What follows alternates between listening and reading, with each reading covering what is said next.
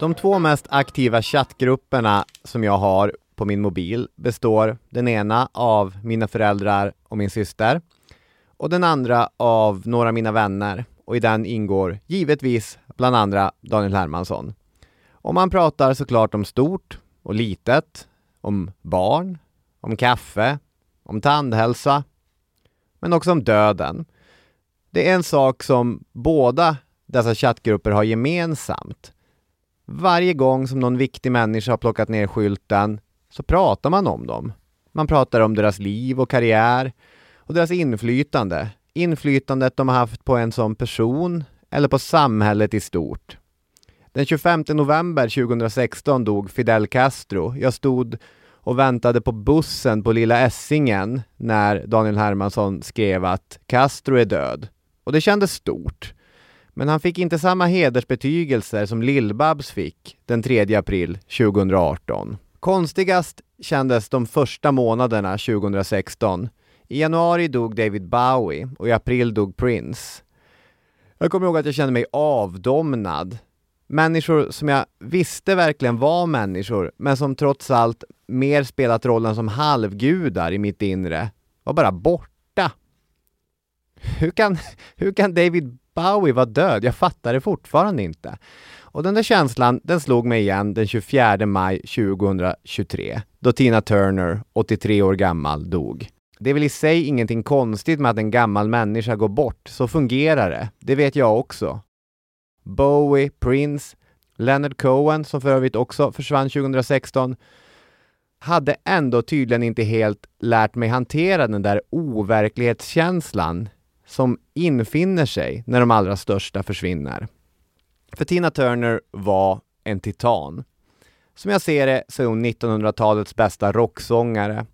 Därtill var hon tillsammans med Grace Jones i en helt egen liga när det kommer till det här med att på scen gestalta styrka, kraft och sexualitet. Styrka och kraft kan låta som synonymer, men jag avser både fysisk styrka och någonting annat, någonting större. Personlighet kanske. Jag älskar Tina Turner för att jag älskar musik och genom musiken kommer hon förbli odödlig. Men hennes liv i sig självt har blivit lika mycket en del av arvet som musiken och dansen. Tina Turners resa från dotter till en fattig arrendebonde, till ung popstjärna, till psykiskt och fysiskt misshandlad hustru, till uträknad föredetting, till världsartist, den är unik. Och det blev hennes liv att om och om igen berätta om den. Den gav människor kraft att själv orka förändra sina liv. Trots att hon egentligen aldrig ville prata om det. Hon ville bara göra sin grej. Men det är tråkigt det där. Vissa saker kan man inte komma undan. Inte ens om man är Tina Turner. I det här avsnittet kommer vi genomlysa hennes liv och karriär. Vi kommer följa henne från höga berg till djupa floder. För även om det ligger lite utanför sådana ämnen som vi vanligen tar oss an, så, så känns det viktigt för mig, för jag har haft svårt att sluta tänka på Tina Turner. Precis som hon säger i låten, hon var helt enkelt bäst. Nu rullar vi musiken och kör igång det här avsnittet.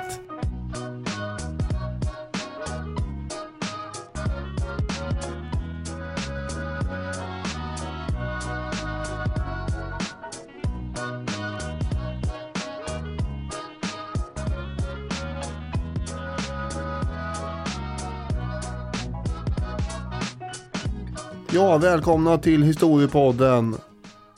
Nu blir det popkultur.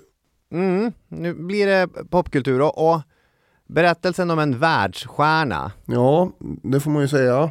Det är ju en eh, sak som skiljer dig och mig. Att eh, du är ju eh, väldigt, eh, alltså jag tycker det här är intressant också. Men jag är inte alls mm. lika insatt i bakgrunden eftersom jag det är för mig är det väl verket som är det viktiga medan du eh, binder ihop de här två alltid. Människa och verk, det är lika relevant. Så jag har ju också haft koll på Tina Turners låtar en del. Jag låg ju och lyssnade mycket på Golden Eye var ju eh, populär på 90-talet. När man kom hem efter skolan så var det bland annat den som jämt låg och rullade runt i CD-spelaren när man skulle ta sin eftermiddagslur.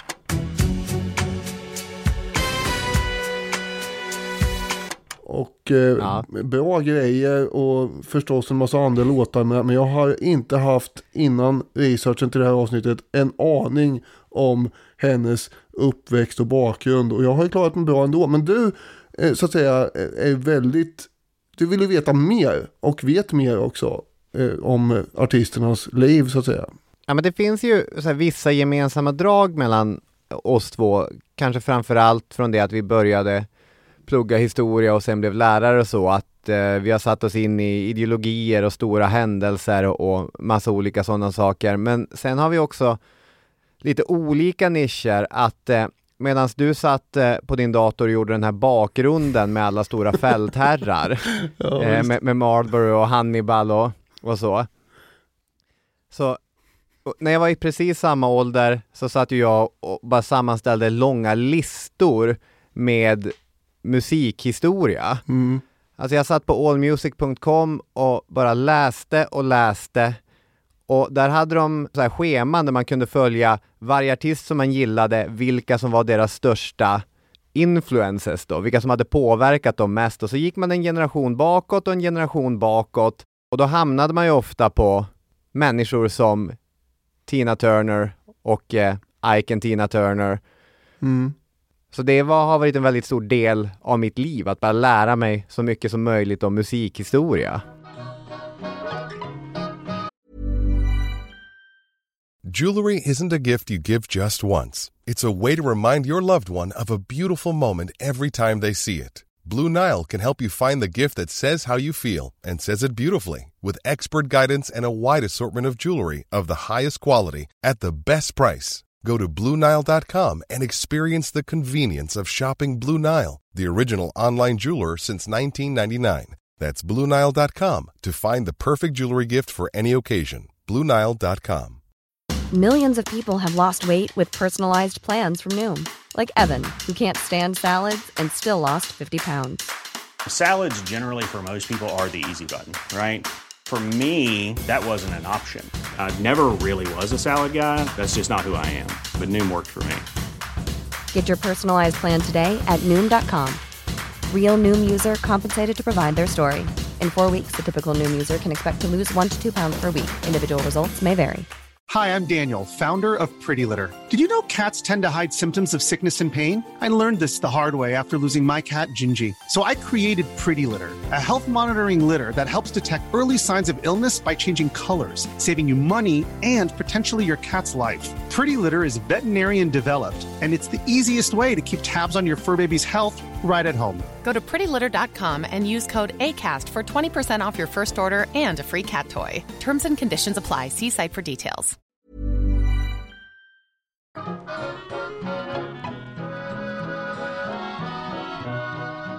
Anna May Bullock, som Tina Turner egentligen heter, eller hette i alla fall, hon föds i Tennessee 1939. Och hennes mamma och pappa är arrendebönder, de är sharecroppers och de lever på det lilla som bomullen ger. Det här är inget varmt hem, utan pappan är våldsam och mamman är mentalt frånvarande. Tills en dag då hon även är fysiskt frånvarande. Som Tina Turner själv har pratat om det så brukade hon som liten flicka sitta och titta på sin mamma när hon satt vid fönstret och drömde sig bort. Och sen, som om den där drömmen hade blivit verklighet, så, så var hon en dag borta, även fysiskt. Och när mamman stack, så stack även pappan. Ja, det är lite speciellt och då hade de ingen helt plötsligt egentligen förälder i alla fall. Men de hade ju, ja vad var det, kusiner och mormor och så vidare. Det krävs en by för att uppfostra ett barn och alla de där grejerna. Ja, Ja, barnen Bullock hamnade först hos en kusin och studsade sen runt hos olika släktingar under hela barndomen. Och det här är givetvis intressant i vad man kan kalla den liksom psykologiska berättelsen om Tina Turner, uppvuxen med, formad av, våld och att bli övergiven. Jag eh, trodde ett tag där att eh, mamman hade gått upp i rak helt, men det hade hon ju inte. Hon hade ju flyttat till St. Louis. Och sen kommer ju systrarna att flytta dit efter och bo med henne en period i tonåren. Mm. Men innan det hade de ju åtminstone en mig sjungit i kyrkokör och så vidare i en baptistkyrka och hon tyckte om det här med att sjunga och så. Ja, verkligen. Alltså, de är ju del av den här större afroamerikanska gemenskapen inom samhället. Förutom kyrka och skola så var hon cheerleader, hon spelade basket, men det var väl framförallt i kören hon, eh, hon hittade sig själv. Hon har talat om att eh, religionen i sig själv kanske inte var så viktig för henne, men sången och styrkan i sången var en viktig del under uppväxten. Hon har sagt I wasn't aware that I was singing about God and how good he was. I just liked the songs. And I would always take the lead on the very upbeat ones, you know the real shouters. Hon gillade de högljudda, snabba låtarna där man liksom fick vråla ut sin glädje. Det är ju eftersom hon är en rockstjärna i både själ och hjärta så märker man det redan i körsången. Mm. I alla fall när hon berättar om det i efterhand. Om man ska säga någonting om föräldrarna, ta dem i försvar kanske överdrivet, men kontextualisera så var ju den här situationen inte helt enkelt. Det handlade inte bara om att eh, överge sina barn, även om det blev det faktiska resultatet, utan det handlade också om att försöka få till försörjning i sydstaterna på 1940-talet. Att många levde kringflackande, hårda liv har också ekonomiska orsaker.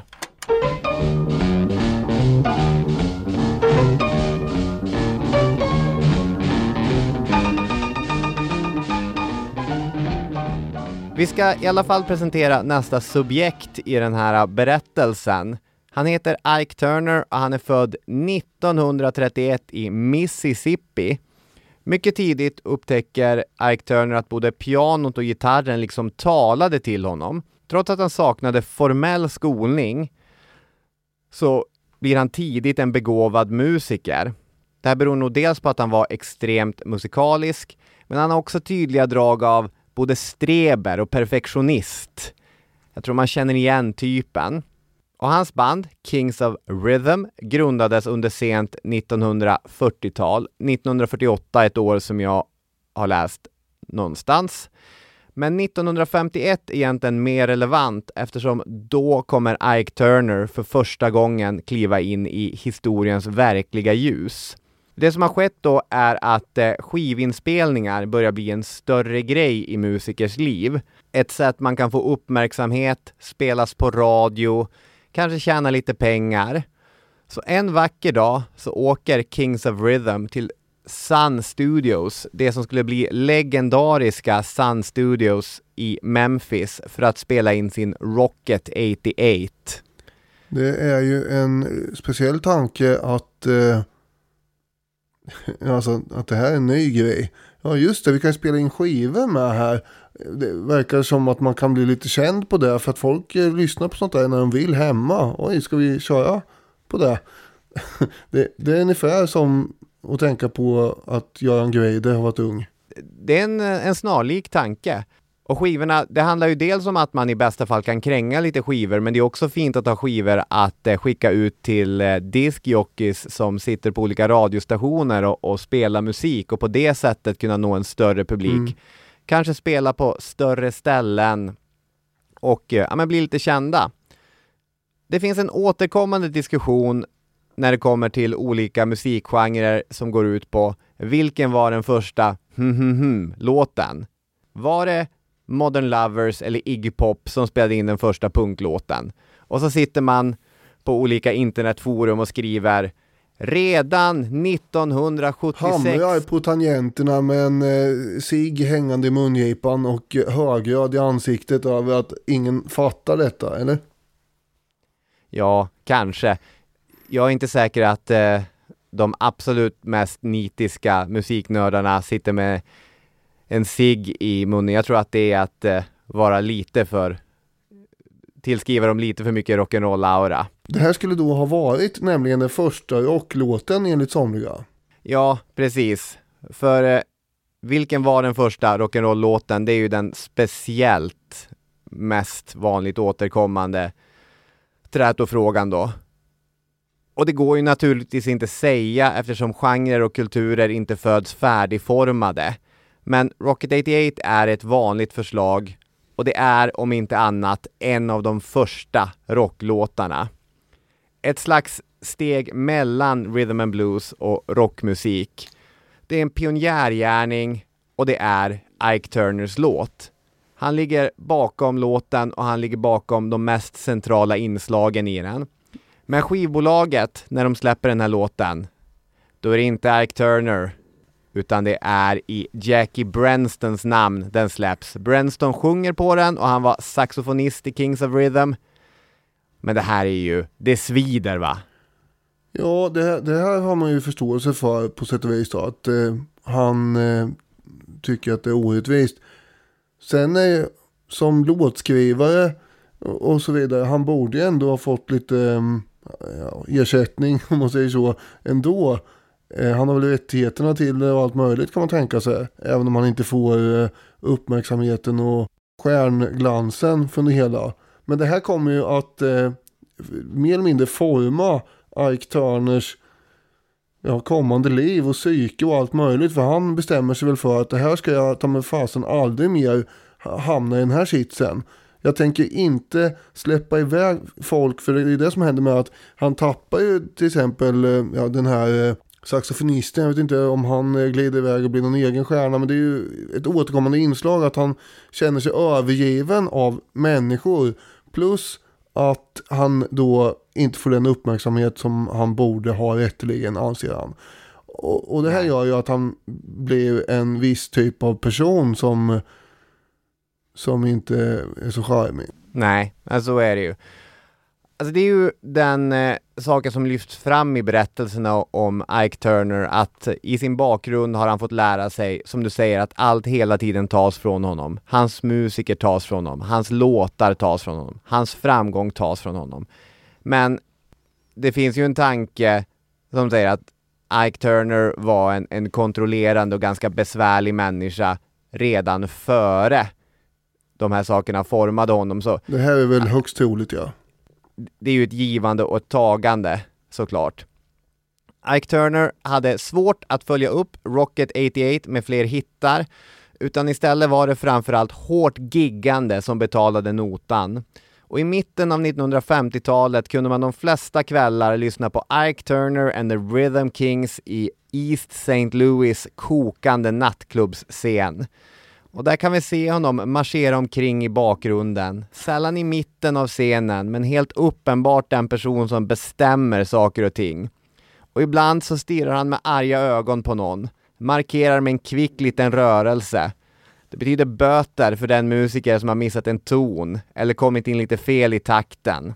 Han är en smal liten man, avlångt ansikte, ganska vackra kreolska drag.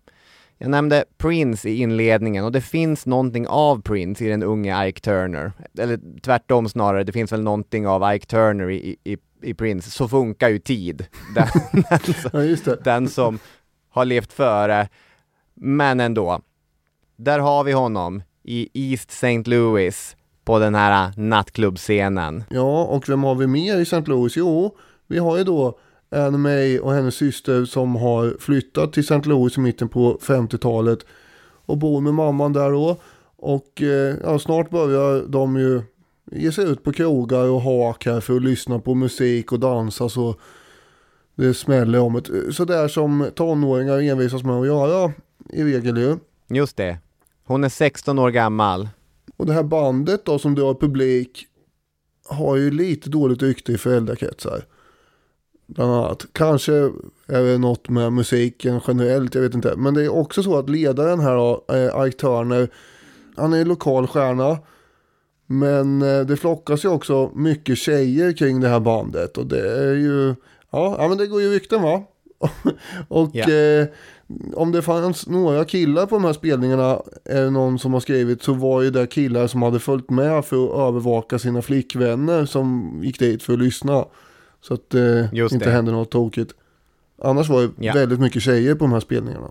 Systrarna Bullock bodde ju faktiskt inte i stadens mer socioekonomiskt utsatta områden, utan de hade ju lyckats få en lägenhet i ett lite stabilare ställe i St. Louis, men de åkte ju gärna in till East St. Louis, framförallt på helgerna, för att gå på klubb. Och man fattar ju så här hur det är att komma till storstan när man har vuxit upp i ambulerande tillvaro ute på landet. Att det är en ny, stor och häftig värld som man upptäcker. Visst hade man kanske radio och man lyssnade på radio och visst spelade musiken genom kyrkan en viktig roll i människors liv. Men som Tina Turner själv har poängterat, I never owned a record player. I listened to songs on the radio, but I never knew the artist went out and performed. I never connected the two. I just thought I'd be singing in a church for the rest of my life and marry. Men nu, nu öppnas en ny plats för hennes musik. De här idéerna om att jag kommer bara kunna sjunga i kyrkan, det är i kyrkan man sjunger. Nu är hon på klubbar och ser att men det står människor och sjunger på scenen här. Och det står människor och dansar och, och skriker och har roligt framför de här människorna som står på scenen och spelar. Det här är också en värld som finns. Mm. Vid ett tillfälle efter en spelning så, om jag fattar rätt, så står ju Ike kvar på scenen och så plinkar han väl på något instrument och sådär. Och eh, det ska då ha berott på att han ville inte gå av helst för att det fanns många tjejer i publiken som han inte ville konfronteras med. Eh, ja. Visst var det så? Absolut, det är en av de två berättelserna. Det är också att alltså, Ike Turner är lite grann av ett socialt ufo. Så det kan väl också vara att han ville vara i fred. Jag vet inte riktigt. Han ville inte ha så mycket med människor att göra vissa kvällar och då stod han kvar på scenen under pauserna och väntade. Och då gick Ann May bara upp på scenen och tog en mikrofon och började sjunga Baby Kings You know I love you. Så kan man ju också göra om man vill breaka tydligen. Ja, det här är ju, det är ju friskt vågat hälften vunnet strategin här.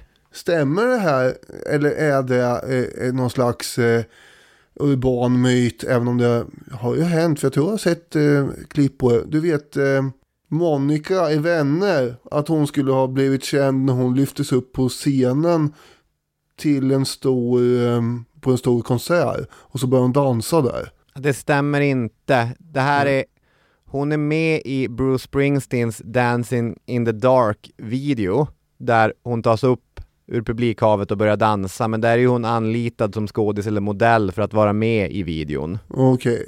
men det är ändå så att det är där hon slår igenom tror jag väl, man kan säga. Ja, alltså det är väl i serien Vänner som hon slår igenom. Ja, okej, okay, men hon kanske inte hade fått den rollen utan det här menar jag.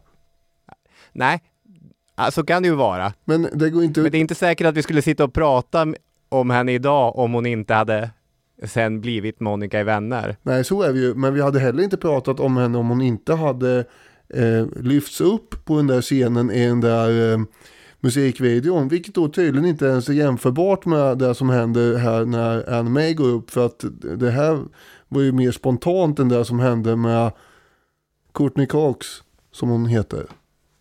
Hur som helst, Ike blir ju imponerad över eh, vad han hör, eller hur? Ja. Här har vi en eh, liten späd 16-17-årig tjej som har den här oerhört starka rösten. Mm. Det finns ju en annan version också för övrigt av det här och det var ju då att det var en planerad, att hon var planerad vikarie för en sångerska som var sjuk. Och då, då, ja. då är det inte så spontant det här heller i och för sig. På något sätt måste han ju fått reda på att hon kan sjunga. Ja, jo, så är det. Men precis hur det gick till, jag vet inte. Det det är nog svårt att utröna. Det är också lite oklart hur snabbt hon verkligen blev en del av bandet. I vissa berättelser är det som att hon river av B.B. King-låten och Ike säger Bravo! Excelente! Magnifico! Splendido! This is the one! Och i andra varianter av berättelsen så sker det mer successivt och långsamt. Någonting som egentligen alltid återkommer dock i berättelsen om Tina och Ike Turner, det är att den här första delen av karriären beskrivs som förhållandevis harmonisk. Ike Turner kommer ta en slags mentorsroll, vilket kanske fungerade skapligt och nog behövdes för en tonåring som är ute och turnerar. Professionellt blev Anna May Bullocks ingång i bandet också ett lyft. Äntligen får Kings of Rhythm lite hittar igen. A Fool in Love 1960. Nu spelas man på radion. Mm. Nu är karriären kommersiellt på väg uppåt igen. Och den stora, stora skillnaden är att med Tina eller Anna May i bandet så spelas man inte bara på den afroamerikanska rb listan utan låtar som just A Fool in Love spelas också på den mycket mer inkomstbringande vita poplistan.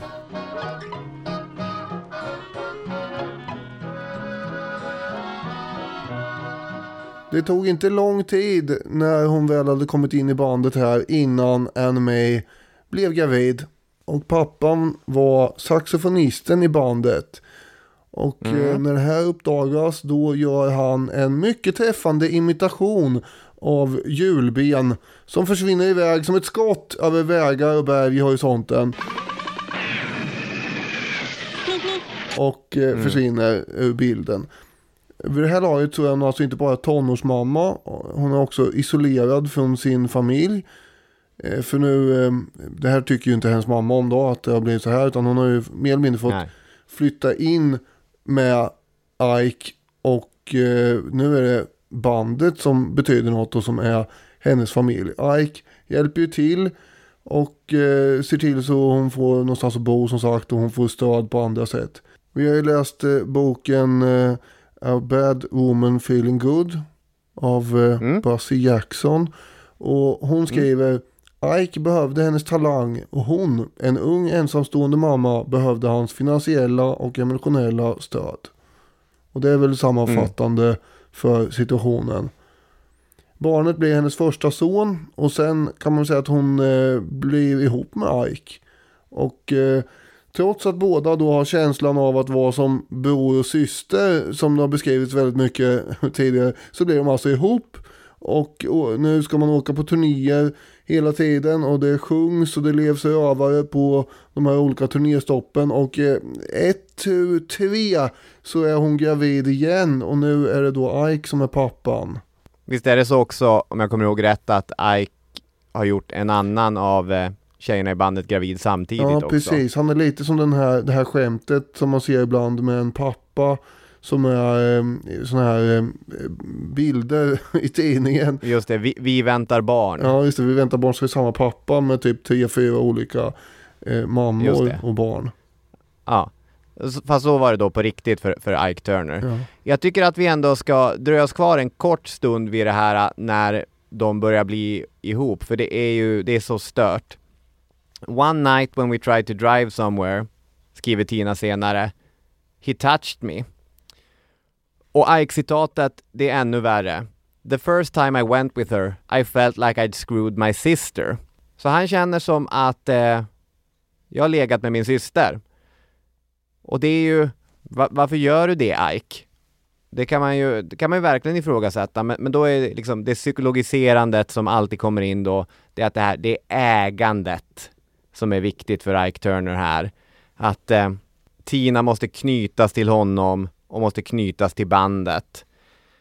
För samtidigt som det här sker, barnen börjar födas, det är det här kaosiga turnélivet, så har ju skivbolagen börjat kräva saker i gengäld. De kunde inte längre vara Kings of Rhythm när det är Anna May Bullock som är stjärnan.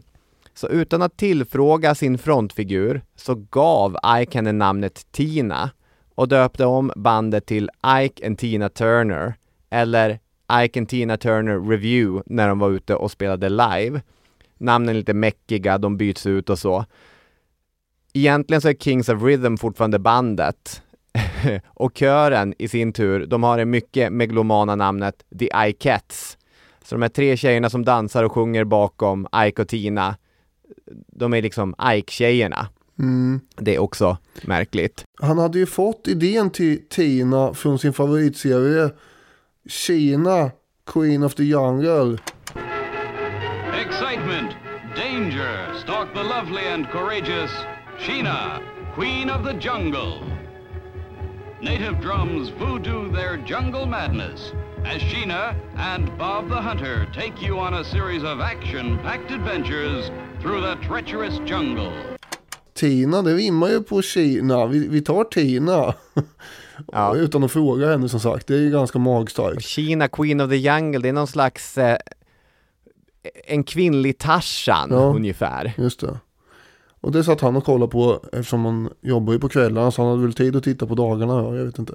Ja, tyckte här är bra grejer. Och sen får hon ju också som sagt hans efternamn utan att de inte är gifta än.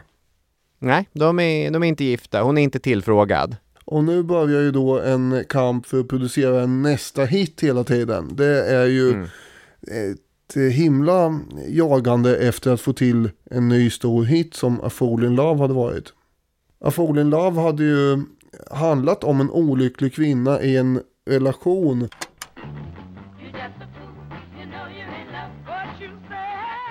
Och eh, den här sången hade ju Ike egentligen skrivit för en manlig sångare. Men sen blev det Anna May eller Tina Ja, vi kan nog kalla henne Tina tycker jag. med nu. Eh, och eh, i efterhand kunde man ju då tro att den här texten passar bra in på hennes egen situation just då. Men det gör den egentligen inte för A Fool in Love som handlar om den här olyckliga kvinnan i en eh, dålig relation. Eh, hon är ju inte så som hon sen kommer bli snart. Utan det är ju snarare att det hon sjunger om i Fool in Love förebådar det som kommer hända senare kan man säga. Just det. Vid ett tillfälle så tog hon ju upp den här relationen de hade ihop och så föreslog hon att vi kanske skulle, vi kanske ändå skulle satsa på vår professionella relation här så särar vi på oss privat här. Mm. Ja, och det var första gången som han slog på henne och sen våldtog henne. Ja. Och det var ju inte sista gången om Nej. man säger så. När Ike Turner, hans kontrollbeteende går ju från bara det här, jag vet inte, lite märkliga och läskiga, hålla koll på alla och se till att knyta Tina så tätt till honom som möjligt till uttryckligt fysiskt och sexuellt våld. Och det var givetvis inte ovanligt under 1960-talet att så förekom inom äktenskap. Som vi har varit inne på så hade Tina själv vuxit upp med våld runt omkring sig. Men dels tror jag att Ike Turner var den värsta sortens tyrann. Alltså han har verkligen någonting lite så här mörkt i sig. Men dessutom så var deras liv så nära varandra att eh, för många andra på 1950 och 60-talet så försvann tyrannen några timmar om dagen när tyrannen gick till jobbet. Men de här två sitter ihop, både personligt och professionellt. Så det skapar ju sitt eget helvete. Och jag har verkligen inga problem med att erkänna att jag verkligen gillar Ike Turners sound. Och det är så konstigt, ibland kan jag nästan få dåligt samvete över det. Det finns ett pianoriff i Ike Turners låt Getting Nasty som bland annat har samplats av eh, hiphopgruppen Jurassic 5 i deras låt Concrete Schoolyard.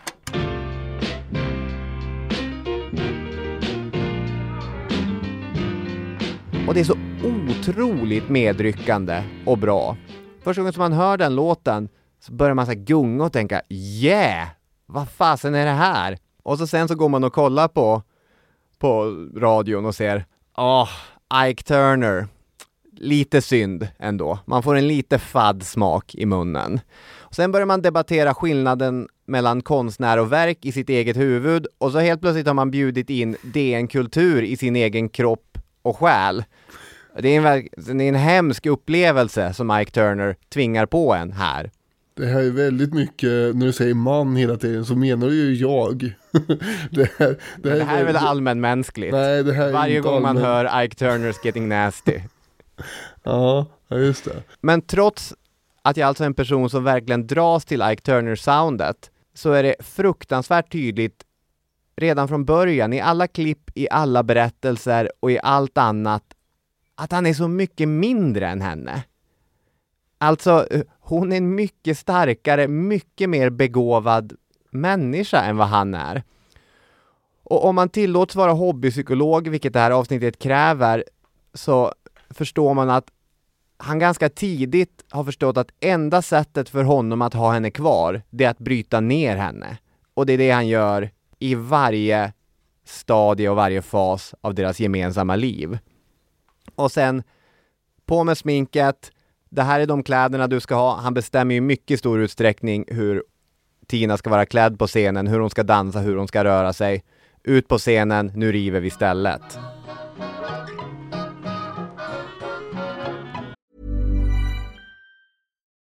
Life is full of what ifs. Some awesome, like what if AI could fold your laundry?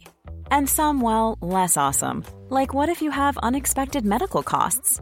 United Healthcare can help get you covered with Health Protector Guard fixed indemnity insurance plans. They supplement your primary plan to help you manage out of pocket costs. No deductibles, no enrollment periods, and especially no more what ifs. Visit uh1.com to find the Health Protector Guard plan for you.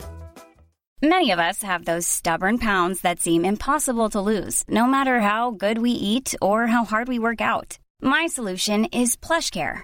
PlushCare is a leading telehealth provider with doctors who are there for you day and night to partner with you in your weight loss journey. They can prescribe FDA-approved weight loss medications like Wagovi and Zepbound for those who qualify. Plus, they accept most insurance plans. To get started, visit plushcare.com slash weight loss. That's plushcare.com slash weight loss. Millions of people have lost weight with personalized plans from Noom, like Evan, who can't stand salads and still lost 50 pounds. Salads, generally, for most people, are the easy button, right? For me, that wasn't an option. I never really was a salad guy. That's just not who I am. But Noom worked for me. Get your personalized plan today at Noom.com. Real Noom user compensated to provide their story. In four weeks, the typical Noom user can expect to lose one to two pounds per week. Individual results may vary.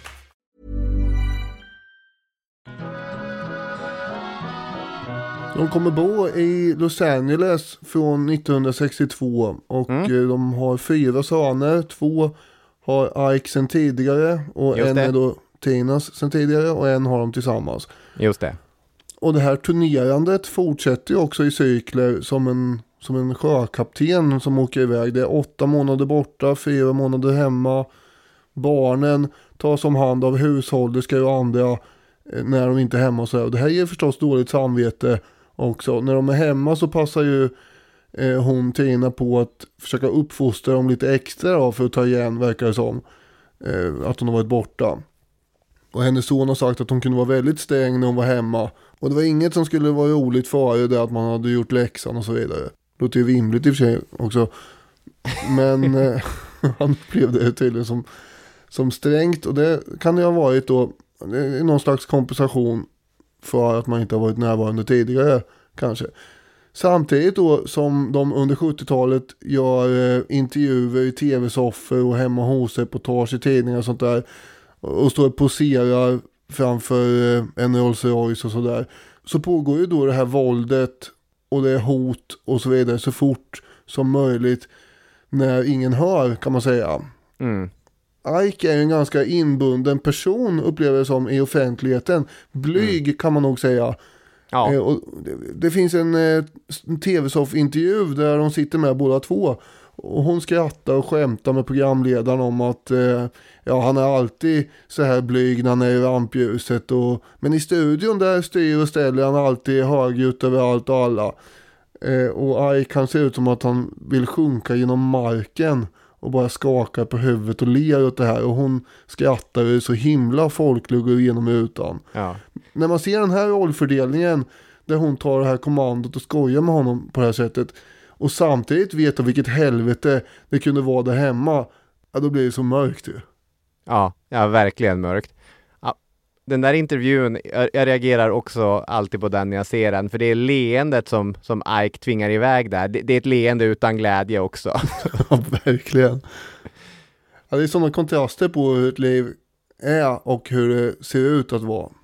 Och det säger hon ju också i den där intervjun, eh, ironiskt nog, att eh, allt är inte vad det ser ut att vara. Och när framgångarna sen uteblir, då ökar drogerna istället. Och då ökar också Ikes aggressivitet, särskilt mot Tina.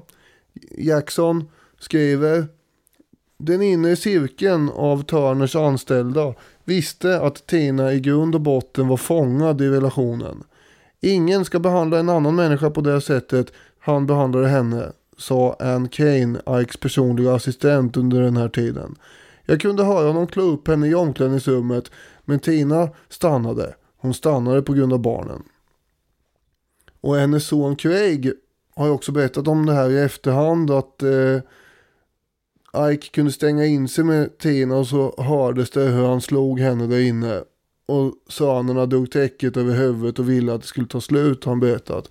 Och en gång när Ike hade kastat kokhett kaffe på henne så gick, då fick han nog den här grabben, Craig, och så gick han dit och bankade på dörren. Och då ska den där misshandeln ha upphört temporärt. Mm. Eh, Men Craig eh, har konstaterat att eh, från den stunden så hatar han Ike för resten av livet. Vid ett annat tillfälle strax före en spelning så försökte hon faktiskt ta livet av sig genom att svälja en massa piller. Och hon däckar och körs till sjukhuset där hon magpumpas och överlever. Eh, Och när hon efteråt då låg i sjukhussängen och vilar så kommer Ike in och eh, hon har beskrivit det här som att pulsen gick omgående upp bara han klev in i rummet. Jag var sanslöst rädd för honom, har hon sagt efteråt. Och i efterhand så har ju Ike också uttalat om det här i en intervju från år 2000. Och han tolkar det som att Eh, ja, hon gjorde två, tre självmordsförsök på den där tiden. Men det var nog för att få uppmärksamhet mer säger han. Eftersom han menar, eh, han var ju ständigt otrogen mot henne. Och därför gjorde hon det här för att få uppmärksamhet trodde han från henne. Eh, jag vet inte hur han gör sina tolkningar. Men det är ju det är mycket att försöka reda upp saker i efterhand. Även om han säger att det var en destruktiv situation de var inne i. Ja. Det tar ju honom eh, över en minut att ta sig igenom det svaret i den intervjun också för han får starta om några gånger. Han är inte han har svårt att leverera det på ett övertygande sätt utan Ja. eh, nej, det, det är ju skamligt. Man kan ju delvis rädda upp sitt rykte genom att erkänna saker och ting och be om ursäkt men eh, det kan man inte gärna säga att Ike Turner försökte göra. De är ju här i Los Angeles precis som du säger och vi har ju pratat om Kalifornien på 60-talet flera gånger tidigare, ofta genom linsen San Francisco under just den här eran då. Vi gjorde det i vårt avsnitt om Hunter S. Thompson och vi gjorde det i vårt avsnitt om Rolling Stones och deras misslyckade festival i Altamont 1969. Så när Ike och Tina slog ner sina bopålar på västkusten så gjorde de ju det under de åren när rock som någon slags motkultur fortfarande var på uppgång. Och i något avseende så har de båda hjälpt till att skapa soundet till den här kulturen. Och det, liksom, det är svårt att förhålla sig till Ike och Tina Turner, alltså, inte moraliskt egentligen, det är väldigt lätt att förhålla sig till Ike och Tina Turner moraliskt. Men som kulturellt fenomen, för ett av de kända klippen från det sena 60-talet kommer från Stones-dokumentären Gimme Shelter. Och där sjunger Tina Turner I've been loving you too long i en mikrofon som hon, utan att vara särdeles subtil, utför sexuella akter på. Många journalister har fortfarande svårt med så här bildspråket och metaforerna när man ska skriva om människor med afrikansk härkomst. Följer man internationell fotboll så ser man det där ofta, att även spelskickliga mittfältare som Yahya Touré, de blir gärna beasts, bästar i de engelska journalisternas bildvärld. Och i USA på 1960-talet, då, man var inte duktigare på det då.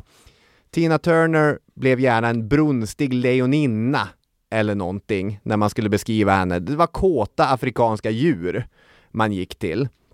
Och det här var ju något som Ike Turner hade skapat då, och regisserat. De korta kjolarna, vrålen, de sexuella anspelningarna.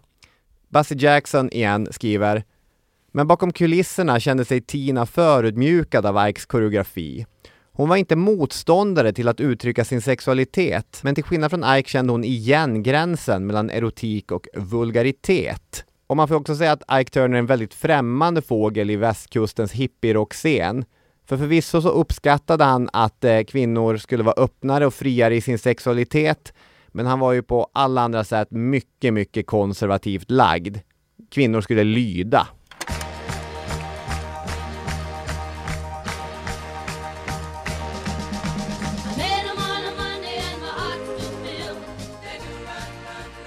Du nämnde tidigare den här intervjun där eh, Tina berättar att i studion, då ska ni se, då är det Ark som är bossen. Och så var det ju när de spelade in. Men kungen av 1960-talets sound, det var inte Ike Turner. Det var Phil Spector. Först då, vem fan är Phil Spector? Jo, han eh, var en producent som förvandlade popmusik genom en metod för hur man spelade in popmusik.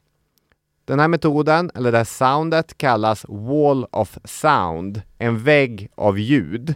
Och i Phil Spectors studio så spelade massor med musiker, flera av dem på samma instrument, men han hade även blås och stråkar. Och man spelade samtidigt, man fyllde studion med musiker.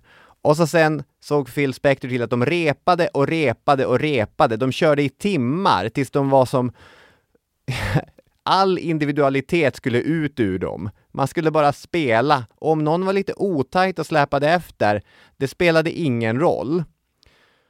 Det här ljudet, det studsar överallt och det studsar även ner i en slags ekokammare där mikrofonerna sitter, vilket skapar en reverb, ett eko eller en fördröjning.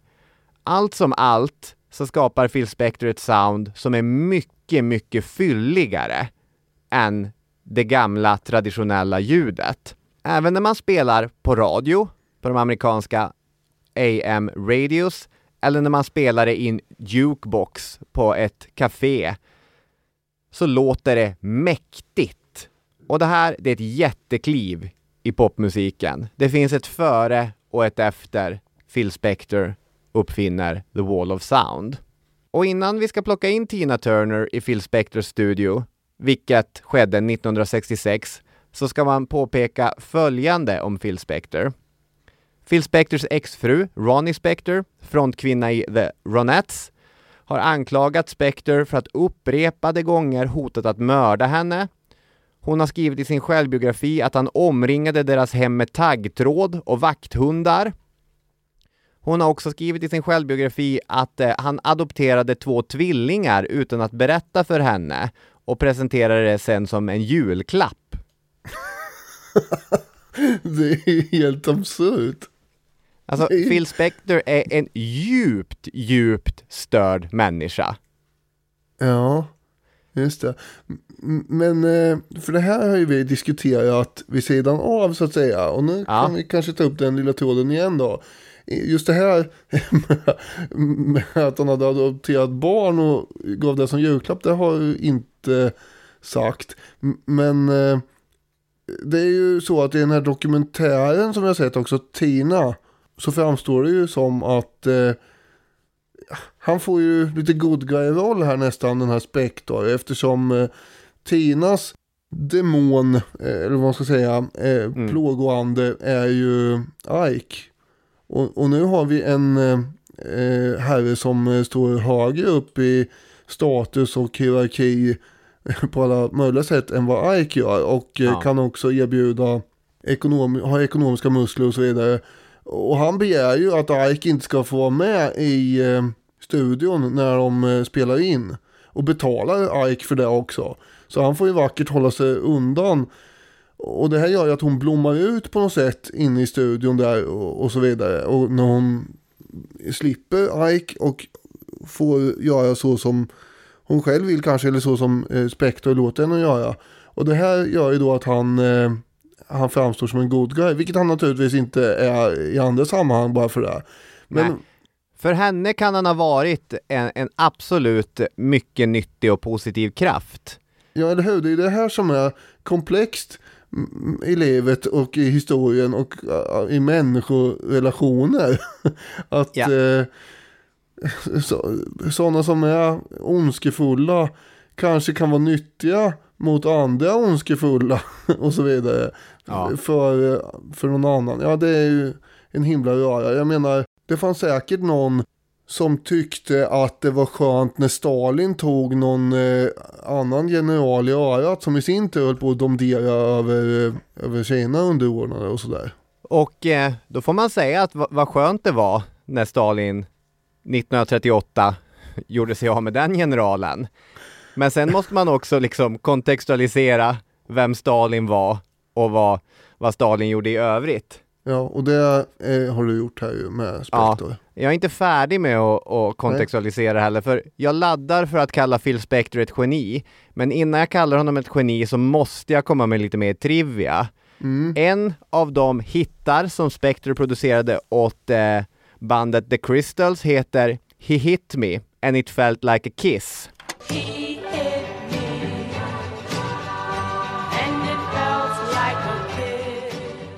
Han slog mig och det kändes som en kyss. Eh, Phil Spector jobbade mest med tjejgrupper. Just den låten slutades i och för sig spelas på radion efter att eh, människor klagade. Inte ens det tidiga 60-talet var så stört att man bara kunde släppa en poplåt som romantiserade våld i nära relationer. Eh, fler Spector-låtar från eran är Not Too Young To Marry, Du är inte för ung för att gifta dig, eller He's a Rebel. Det är låtar om unga tjejer som går mot sina föräldrars vilja i valet av kille. Ibland kanske man ska lyssna på sina föräldrar om killen är Phil Spector. Sista biten trivia då. Phil Spector dog den 16 januari 2021. Då satt han i fängelse eftersom han hade skjutit kultskådisen Lana Clarkson i sitt hem. 2003 skedde detta. I rättegången försvarade sig Phil Spector genom att påstå att Clarkson hade råkat av misstag begå självmord då hon kysste Phil Spectors pistol. Jaha. Det här trodde de inte på, nej. När han åkte dit, Phil Spector, e- en totalt ett haveri till människa. Men, Men, också ett geni tydligen. men också ett geni. För i studion så kunde Phil Spector skapa helt otroliga saker. Och det som brukar lyftas som hans kanske absoluta peak, det är River Deep Mountain High.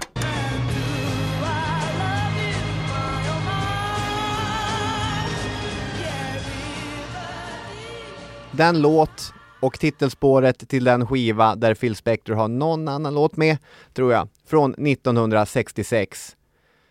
Det var som du sa, för första gången i Ike och Tinas karriär som Ike Turner träffade på någon med mer makt än honom. Och förutom att Tina Turner fick spela in utan att ha Ike Turner över axeln för första gången i sitt liv, så fick hon också sjunga på ett nytt sätt. Phil Spector sa, sjung melodin, sjung melodin, gör så här, gör så här. Och antingen så var det Phil Spectors bra tips, eller så var det mer troligt bara att vara fri från plågoanden som gör att eh, det låter så otroligt bra.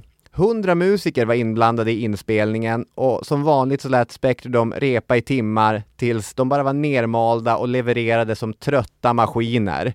20 000 dollar kostade inspelningen. Det var väldigt mycket pengar 1966 och eh, en av anledningarna till att eh, Phil Spector kommer inte, alltså, det, den här metoden är ju inte hållbar. Så här kan man inte jobba. Den take, den tagning som till sist hamnar på singeln, det är ett av Tina Turners allra sista försök. Och enligt deras dåvarande manager ska känslan i studion helt plötsligt ha förändrats när de rev av den.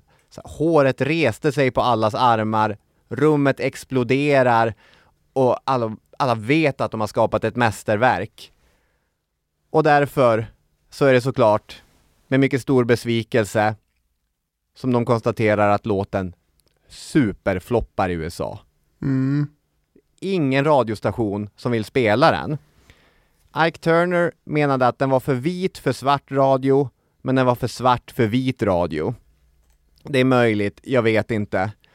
I Storbritannien blev det en stor hit, men motgången, den var ändå nog för att driva Phil Spector in i en slags ja, pension.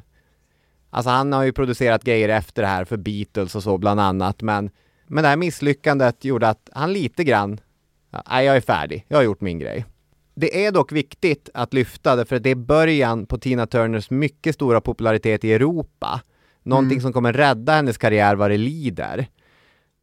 Nu är man stora i England och då kan man öppna för Rolling Stones. Det brukar ju sägas att eh, Tina Turner lärde Mick Jagger att dansa. Och eh, ja, fullt möjligt. Min egen gissning har ju alltid varit att Mick Jagger har suttit på en hönsgård och närstuderat hur en tupp rört sig. Och så sen har han liksom Han går igång på det där, det här har jag sagt i Altamont-avsnittet också, tar upp sin lilla anteckningsbok och bara alright. Händerna på ryggen och så rycker vi med huvudet, pickar upp en mask från, från marken. Det här är, det är starka grejer. Men Jagger plockade upp en massa saker från Tina Turner.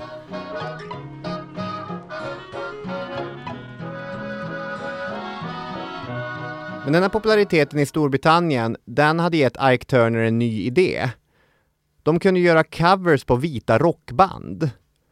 Och det finns två stycken olika berättelser om hur Tina Turner kom att bli synonym med rockmusik, vilket hon ändå är.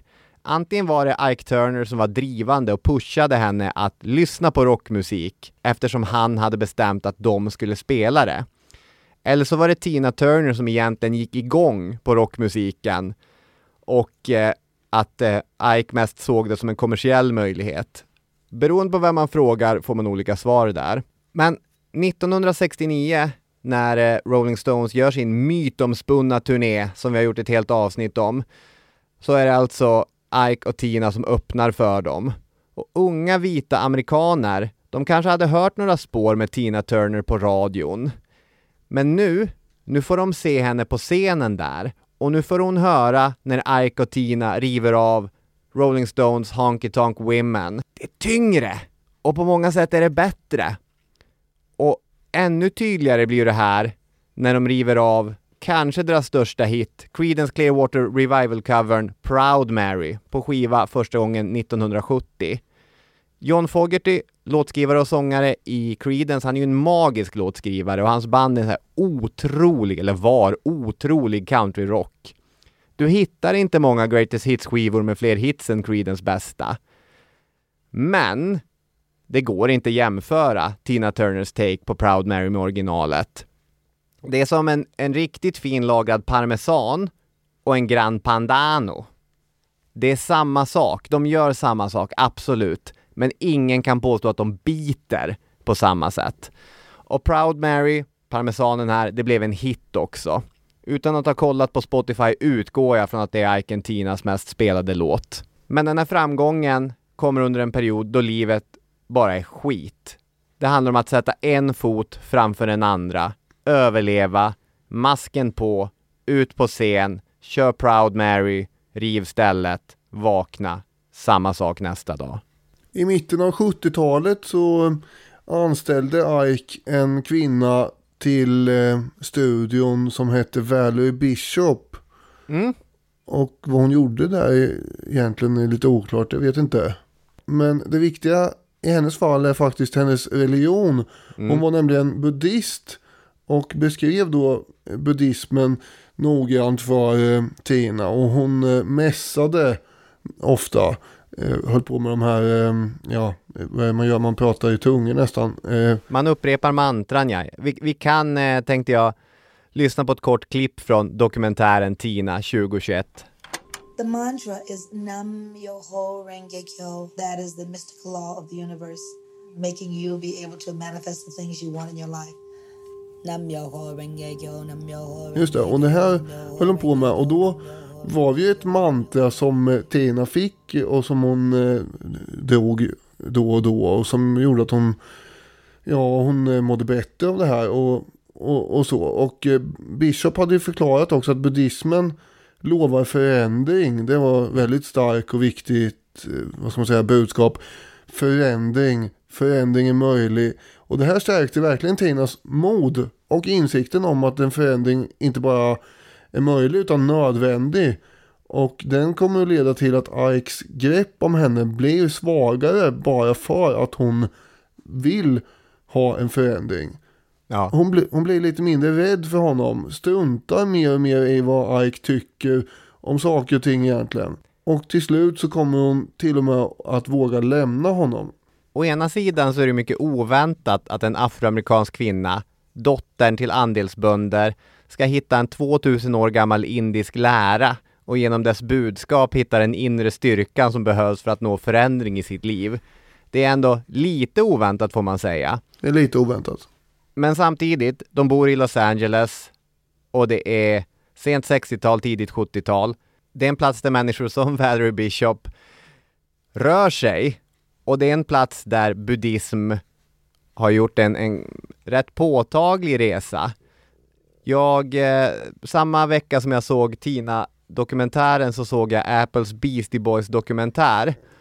Och en av grejerna där handlar om hur, hur avgörande personlighetsförändringen var för den mannen i trion Adam Jauk som var sökaren och kanske talangen också, när han hittade buddhismen. Låt gå att det var 25-30 år senare, men det fanns en intrampad stig under andra hälften av 1900-talet som ledde sökande människor till buddhismen. Mm. Och eh, för Tina Turner, i alla fall som hon själv ser det, så räddade det hennes liv. Men om det här är de eh, berömda, vad ska man säga, orsakerna.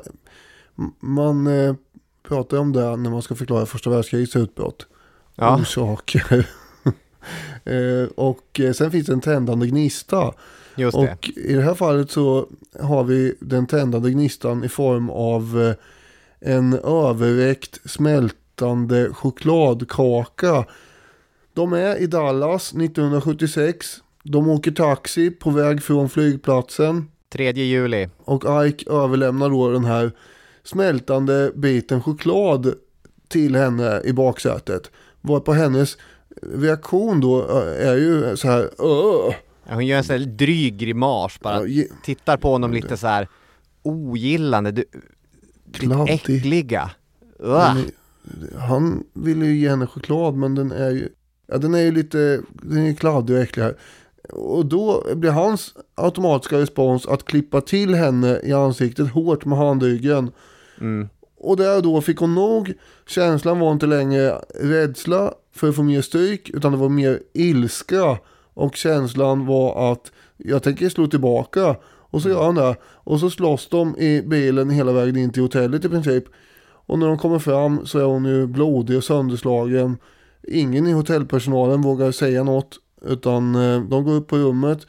Och eh, Ike lägger sig i sängen. Då börjar hon massera honom. För de har väl eh, kommit över det värsta fightandet där. Och, och så somnar han. Och då sticker hon. Hon är nästan helt tomhänt förutom något telefonkort och ett körkort. Och i någon slags eh, adrenalinstinn eh, yrsel över att ha tagit det här beslutet antar jag. Så går hon rakt över en motorväg. Där hon håller på att bli rammad av en lastbil som far förbi i högsta gehu. Och hon kommer mest ihåg alla lysen som åkte fram och tillbaka har hon sagt efteråt. I en annan värld så tar historien om Tina Turner slut här. Då blir hon påkörd på motorvägen i Dallas på väg till The Ramada Inn på andra sidan motorvägen. Och då är det mycket som man hade missat får man säga. Då hade inte... Inget ledmotiv till Goldeneye. Nej, precis. Det hade ju inte varit en del av ens liv då. Men även eh, andra låtar förstås, som inte hade blivit eh, lika stora. Hon frågar den här hotellchefen till det här eh, hotellet hon kommer till på andra sidan motorvägen om eh, hon kan få ett rum och betala i efterhand. Allt jag har är ett bensinkort och 36 cent, men om ni ger mig ett rum kommer jag se till att ni får betalt. Ja, och hon berättar ju vem hon är också. Och eh, det löser sig. Och nästa dag är den eh, 4 juli 1976. Och hon har ju sagt att medan alla andra firade USAs självständighetsdag så firar ju hon sin egen frihet den här dagen. Mm. Precis, hon eh, har plockat upp telefonen 3 juli, ringt en kompis som är åklagare och han har bokat chaufför, biljetter hem, en, en plats för henne att gömma sig på i Los Angeles. Och sen sticker hon. Och det är det. Ja, de kommer ju att ses igen förstås. Det blir ju skilsmässohandlingar och grejer av det här. Och där får hon ju inte med sig någonting. Ike får allt, hus, bilar, pengar, royaltyrättigheter och så vidare. Det enda hon får behålla är sitt professionella namn som han, han har gett henne. Ja. Och Tina Turner alltså. Hon insåg ju att det här kan ju vara värt att behålla rent karriärsmässigt. Och han i sin tur förstod nog varför hon ville ha det förstås. Men i slutändan så fick hon behålla eh, det här enligt eh, en domstol vad jag förstår. The name is mine. The name got my daddy's blood on it. Now she wanna go. She she she, she can go wherever she wanna go, but the name belongs to me. Mr. Turner. No, no, no. Look here now. Hey, hey, hey. Get your hand off me, man. Now look. Mr. Turner. She wanna go. She can go. That's fine. She can go. But the name stays home. The name stays home. As Mrs. Turner has decided to drop all claims, I hereby grant her a divorce on the grounds of irreconcilable differences. Mr. Turner will retain all publishing rights, royalties, all real property, clothing, jewelry, and all other assets. Mrs. Turner will retain the use of her stage name. Innan jag satt på allmusic.com och försökte lära mig allt om, om popkultur och så, då tyckte jag väldigt mycket om eh, filmer som handlade om eh, den här typen av grejer. Alltså inte hustrumisshandel uttryckligen, vilket är vad biopicen om Tina Turner, What's Love Got To Do With It, handlar om. Men filmen om Ike and Tina eller filmen om Beach Boys och så, som jag satt och såg med, med min mamma, det var enormt starka minnen. Trots att jag inte har sett den sedan barndomen så minns jag mycket tydligt scenen när de står inför eh, den här domstolen, det är skilsmässoförhandlingarna. There's just one thing I want, något i den stilen. Och det är Mm. namnet då.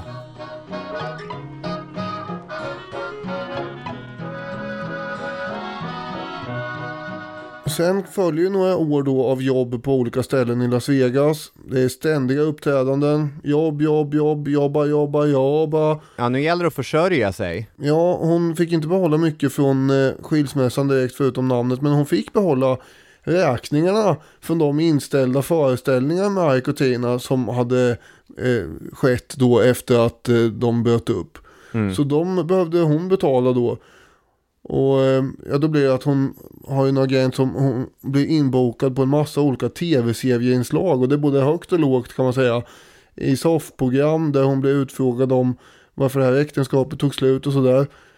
Man ser ju då på de här klippen att ehm, det är bara ett par år efter uppbrottet. Hon är ju inte hon är inte där än, hon är inte redo att prata om det här, det ser man ju, utan det är ju svävande svar hit och dit. Det dröjer ju ett tag, om man säger innan eh, hon säger någonting överhuvudtaget om den här misshandeln. Mm. Den första grejen som jag började göra efter eh, jag hade nåtts av beskedet och att eh, Tina Turner hade dött var att jag började läsa alla in memoriam-texter som dök upp om Tina Turner. De svenska tidningarna men också de amerikanska musiktidningarna. Och jag tyckte att Rob Sheffield skrev en väldigt fin sån text i Rolling Stone Magazine. Och den handlar ju om det osannolika i att en kvinna som fram tills dess endast setts som ena delen i en duo och som nu var i 40-årsåldern. Hon var gammal. Att en sån artist skulle lyckas stå på egna, mycket muskulösa ben och bli en av världens största artister. För precis som du säger, de här åren efter skilsmässan, alltså det är ju inte glamorösa gig som gäller här, utan det är ju få ut så mycket stålar som möjligt på gamla meriter. Stå på någon scen i Las Vegas och riva av det man kan. Den uppenbara parallellen är såklart Elvis, även om allt annat runt respektive berättelse är annorlunda. Då är det ju ganska, eller intressant, men när du säger så, som sagt, hon eh, är en fullständigt ihopgjuten del av det här eh, konceptet och bandet Ike and Tina Turner. Ja. Och när du lanserar eh, ämnet för att hon då har dött här under året så fattar inte jag när du skriver i våra gemensamma anteckningar vem fan är den här Ike han Nej. pratar om. Nej. Inte en aning om vem Ike Turner var eh, hade jag. Nej. Och då- då, kan man ju säga att hon har lyckats eh, frigöra sig från det en del. Men det är i och med 80-talet och framåt får man ju säga. Exakt, och det är ju det som är det otroliga i den här storyn, att den har ett lyckligt slut. Det är ju alla de här intervjuerna som du nämnde, de bara får frågor om Ike, och hon presenteras som den forna medlemmen i Ike och Tina Turner. Det gör att till sist så får hon tipset från eh, sin agent att du måste prata om vad du har gått igenom. Du behöver göra det här. Du måste äga berättelsen. Så till sist så säger hon ja till det och i sin tids stora tidning People så går hon 1981 ut med sin berättelse. Hon säger precis hur det har varit och eh, att hon försöker bygga upp ett nytt liv efter det. Man får ju säga att det är inte så att hon får ju folkets sympati här då, absolut. Men det är inte så att allt lossnar på en gång bara för det här, utan eh, det är ju, går ju lite trögt. Man får komma ihåg att det var oklart. Vad är hennes genre? Är det R&B? Är det disco? Vad, vad är det här för image egentligen? Folk, är hon soloartist nu den här? Var inte hon ihop med den där eh, andra Ike eller vad han hette? Det är väldigt luddigt i kanterna allting. Vad är det här för artist? Och då kommer den här Roger Davis som blir hennes agent eh, på 80-talet att mm. eh, mejsla fram kan man säga en ny Tina Turner. De ändrar frisyr och klädstil och eh, låtarna blir också annorlunda. Och det här eh, krävs ju, även om eh, det också krävs att hon gör upp med den här bakgrunden på allvar som sagt. Exakt, det, det är väl de, de, två stora grejerna. Jag tänkte, när jag ändå har nämnt den här liksom eh, artikeln i tidningen People, göra den poängen som Rob Sheffield gör i Rolling Stone. För människor underskattar, skriver han, alltjämt hur viktigt det var kulturellt att Tina Turner berättade sin historia. Det må låta underligt idag, men hon var den första stjärnan som talade öppet om våld i nära relationer. Som underströk att det var en central del i hennes berättelse. Som inte bara hoppade över eller talade otydligt om det. Före detta fanns inte ens våld i nära relationer, domestic abuse, skriver han, som ett vanligt begrepp i språket. Jag respekterar hennes överlevnad som en misshandlad hustru, battered wife, berättade Gloria Steinem för Rolling Stone i december 1984. Och Gloria Steinem är då en feministisk ikon, en av USAs allra mest välkända, bekanta och inflytelserika feminister. 1984 så är inte domestic abuse ett eh, ord som ligger nära till hands för henne utan hon kallar eh, Tina Turner en battered wife. Så trots att beundran av Tina Turner idag är, som Sheffield också skriver, nästan en egen industri, så är det ändå lätt att missa vilken pionjär hon var i det här avseendet. En mycket motvillig pionjär, förvisso. För rakt igenom i alla intervjuer, inför boksläpp, inför filmsläpp och inför musikaler om hennes liv, så har hon ju menat och sagt att det här är någonting hon helst inte vill tänka för mycket på, prata för mycket om eller eh, liksom hålla sig kvar vid. Samtidigt så har det blivit en central del av hennes berättelse och varför så många respekterar henne. Men det är ju inte bara det, för det är ju också den här, får man säga, mycket oväntade kometkarriären som kommer på 80-talet. Hon spelades ju inte särskilt mycket på eh, radiokanalerna än precis i början på 80-talet. Men däremot så finns det faktiskt andra medier här eh, också någonting som hette MTV hade börjat bli stort bland ungdomar. Och där var hon med då och sjöng en eh, låt som heter Ball of Confusion 1982. Och eh, blev då alltså stjärna på den här tv-kanalen. Som alla ungdomar satt och glodde på. Där för övrigt också, det är väl samma år, någon eh, vis herre som hette Michael Jackson också eh, brakade igenom det här är ju ganska relevant ändå. Allt måste inte hända exakt på den traditionella gamla scenen. Nej. Det här är ju det är ungefär som internet sen har slaktat tv eh, för övrigt. Och på samma sätt eh, tänker jag mig att skivbolagen och radiokanalerna eh, blir utmanade här av MTV i ja. början på 80-talet kan man säga. Även om skivbolagen i och för sig eh, naturligtvis äger ändå musiken och så. Så radiokanalerna blir utmanade om man säger så. MTV är ju intressant på det sättet därför att det är väldigt märklig blandning av musik som spelas i början. Att om du har en liten effektiv och klatschig video så kan du vara en, en före detta stjärna eller du kan vara ett, ett ungt och okänt band.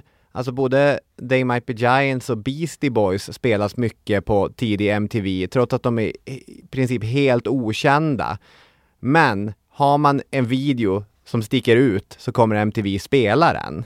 Och hon eh, sjöng ju den här låten Ball of Confusion med två yngre britter om jag kommer ihåg rätt. för hon sticker ju till England. Det är ju centralt i det här att eh, hennes manager, som du säger, Roger Davis, han gör den helt korrekta läsningen att USA fattar inte Tina Turner som Europa och Storbritannien fattar Tina Turner. Det är här vi kan bygga upp din karriär på riktigt. Sen kommer en situation som man har kallat för sitt Askunge-ögonblick. Och det är då när eh, tidigare nämnde David Bowie, på den tiden han levde, mm. eh, skulle äta middag med sitt nya skivbolag i New York januari 1983.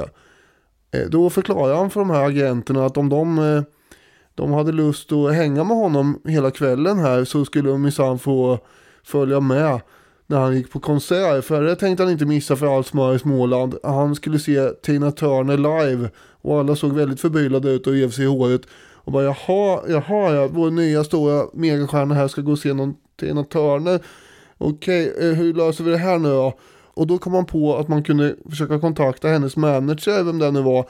Och i sista stund så fick då Roger Davis skaka fram 63 specialplatser till hela det här skivbolagets gäng. Mm. Och eh, de ville ju inte verka ofina mot sin stjärna David Bowie så de följde med på det här. Och det blev ju succé. Och eh, på kvällen då i den här, det är säkert sant, det bara låter ju så, så sjukt. Då sitter ju hon, Bowie och Keith Richards och pimplar champagne och sjunger klassiska låtar vid ett piano. Det låter ju som en filmscen det här. Mm. Det gör det. Och ännu sjukare när tänker på det när jag säger är att den enda av dem som fortfarande lever ja. är Keith Richards. Ja. Det är ju jättesjukt. Med reservation för att det här släpps först om några veckor när vi spelar in det här. Men det får ja. vi ju säga varje gång vi nämner Richard. Den dagen han plockar ner skylten, jag kommer få en sån overklighetskänsla att eh, det är läskigt att tänka på det bara. en man som har varit färdig för döden i 30-40 år. Ja, men eh. fortsätter. Klättrar upp i palmen, ramlar mm. ner från palmen, upp igen. What's Love Got To Do With It, hennes enda Billboard-listetta, det är en engelsk låt skriven av en liten engelsk poptönt och ursprungligen framförd av det mycket töntiga engelska popbandet Bucks Fizz.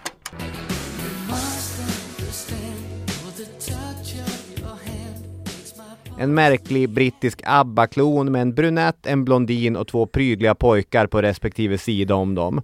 Omslaget till skivan, What's Love Got To Do With It, ser faktiskt ut som Abbas Arrival. Och förvisso så är det en sån här tät och fin 80-tals popmatta av syntar i den. Men när man några veckor senare får in Tina Turner i studion och hon provar sjunga den, nerskalad, med mycket rivigare röst.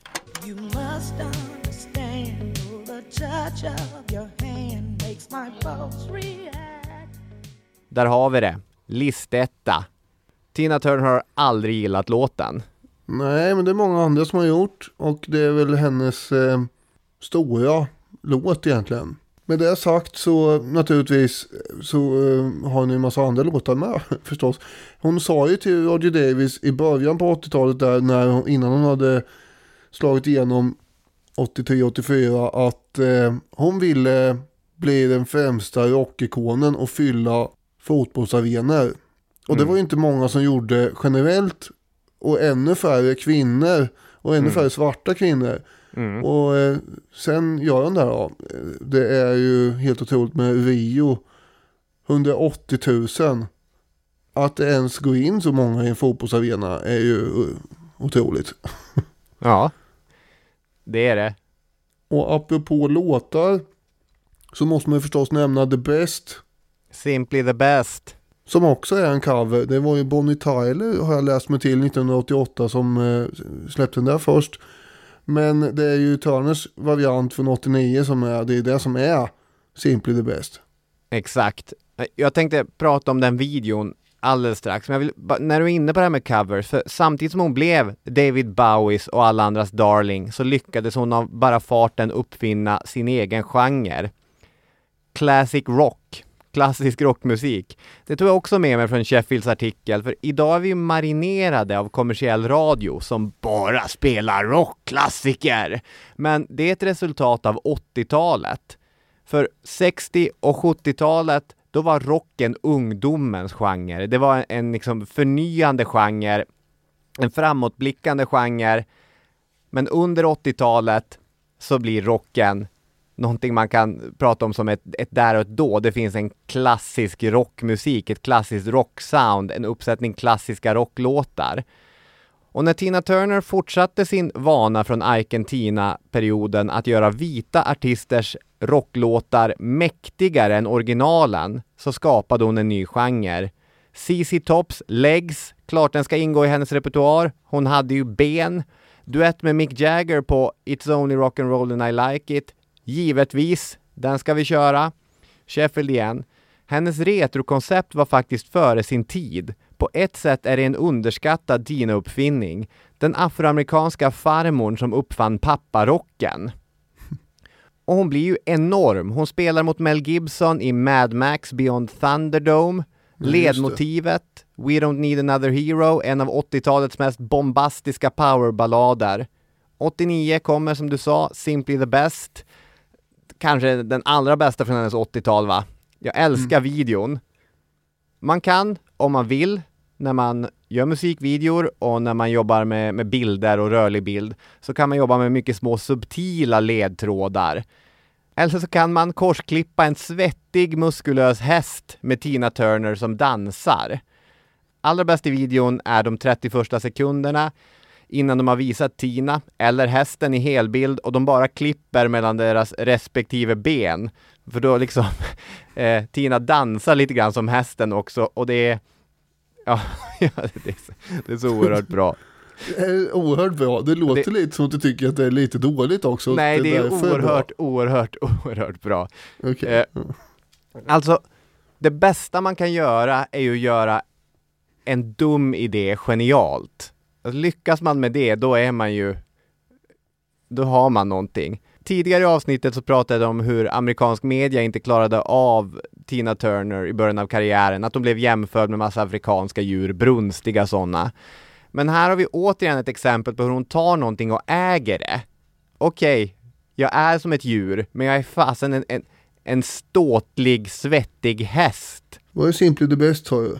Ja. Jag har inte sett det här. Jag tänkte jag skulle kolla här. Ja, där står Ja, nu dansar den här ja. Och det är bara benen. Men vart är hästen då? Nej, det här. Det var ju öronen på ett. Nej. Ja, det är ju bra. Ja, det är ju jävligt bra faktiskt.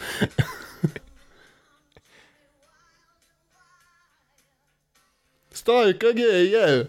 Ja, hur? Det är oerhört starka grejer. Ja, okej. Okay.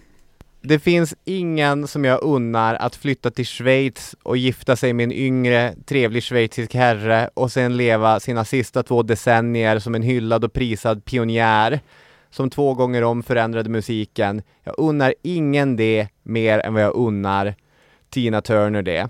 Och det kommer att bli hennes liv. I maj 2023 dog alltså Tina Turner, 83 år gammal, i Schweiz.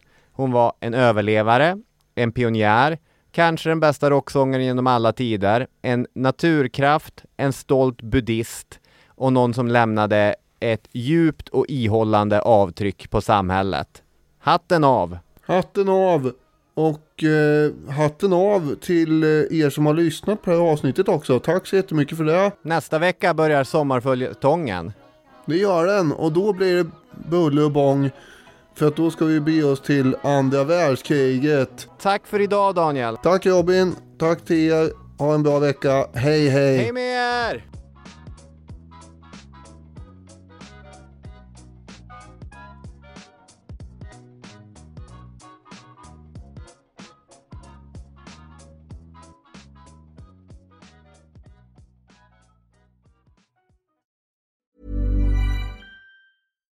Hi, I'm Daniel, founder of Pretty Litter. Cats and cat owners deserve better than any old-fashioned litter. That's why I teamed up with scientists and veterinarians to create Pretty Litter. Its innovative crystal formula has superior odor control and weighs up to 80% less than clay litter.